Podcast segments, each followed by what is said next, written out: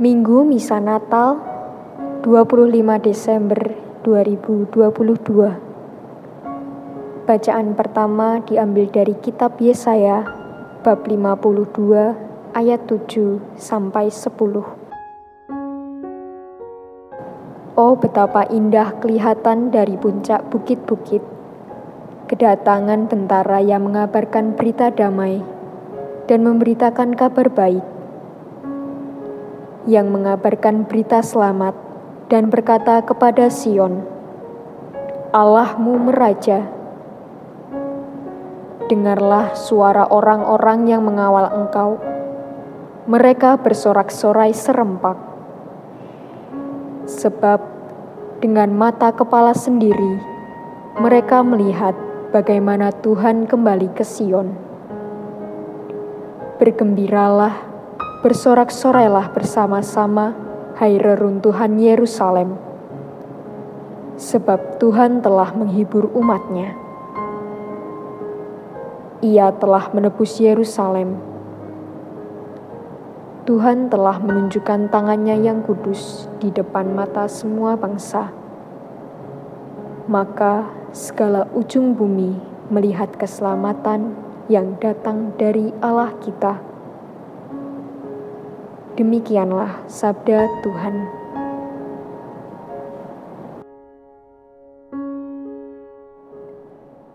Bacaan kedua diambil dari kitab Ibrani bab 1 ayat 1 sampai 6. Saudara-saudara, pada zaman dahulu Allah berulang kali dan dalam pelbagai cara berbicara kepada nenek moyang kita dengan perantaraan para nabi. Tetapi pada zaman akhir ini, Allah telah berbicara kepada kita dengan perantaraan anaknya. Anaknya itulah yang ditetapkannya sebagai yang berhak menerima segala yang ada oleh dialah Allah menjadikan alam semesta. Dialah cahaya kemuliaan Allah dan gambar wujud Allah. Dialah yang menopang segala yang ada dengan sabdanya yang penuh kekuasaan.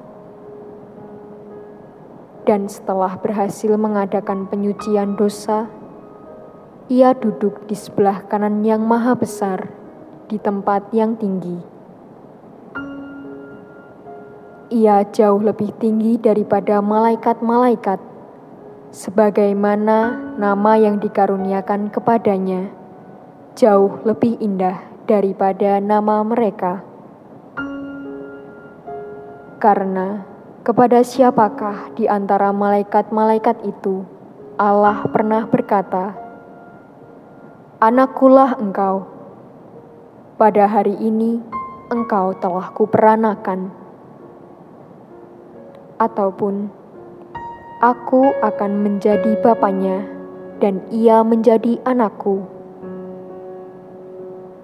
Lagi pula, ketika mengantar anaknya yang sulung ke dunia, Allah berkata, "Semua malaikat Allah harus menyembah Dia."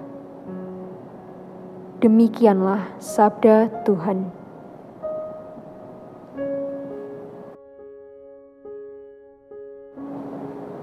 Bacaan Injil diambil dari Injil Yohanes bab 1 ayat 1 sampai 18. Pada awal mula adalah firman. Firman itu ada bersama-sama dengan Allah. Dan firman itu adalah Allah. Firman itu pada mulanya bersama-sama dengan Allah Segala sesuatu dijadikan oleh Dia, dan tanpa Dia tidak ada suatu pun yang telah jadi dari segala yang telah dijadikan. Dalam Dia ada hidup, dan hidup itu adalah terang manusia. Terang itu bercahaya di dalam kegelapan, tetapi kegelapan tidak menguasainya. Datanglah seorang yang diutus Allah, namanya Yohanes. Ia datang sebagai saksi untuk memberi kesaksian tentang terang itu, supaya oleh Dia semua orang menjadi percaya. Ia sendiri bukan terang itu, tetapi ia harus memberi kesaksian tentang terang itu terang yang sesungguhnya yang menerangi setiap orang sedang datang ke dalam dunia. Terang itu telah ada di dalam dunia, dan dunia dijadikan olehnya, tetapi dunia tidak mengenalnya. Ia datang kepada milik kepunyaannya, tetapi orang-orang kepunyakannya itu tidak menerimanya. Tetapi semua orang yang menerima Dia diberinya kuasa menjadi anak-anak Allah, yaitu mereka yang percaya dalam namanya.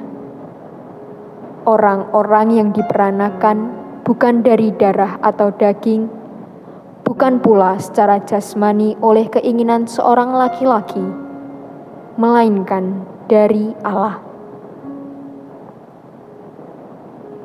Firman itu telah menjadi manusia dan diam di antara kita, dan kita telah melihat kemuliaannya, yaitu kemuliaan yang diberikan kepadanya sebagai anak tunggal Bapa, penuh kasih dan kebenaran.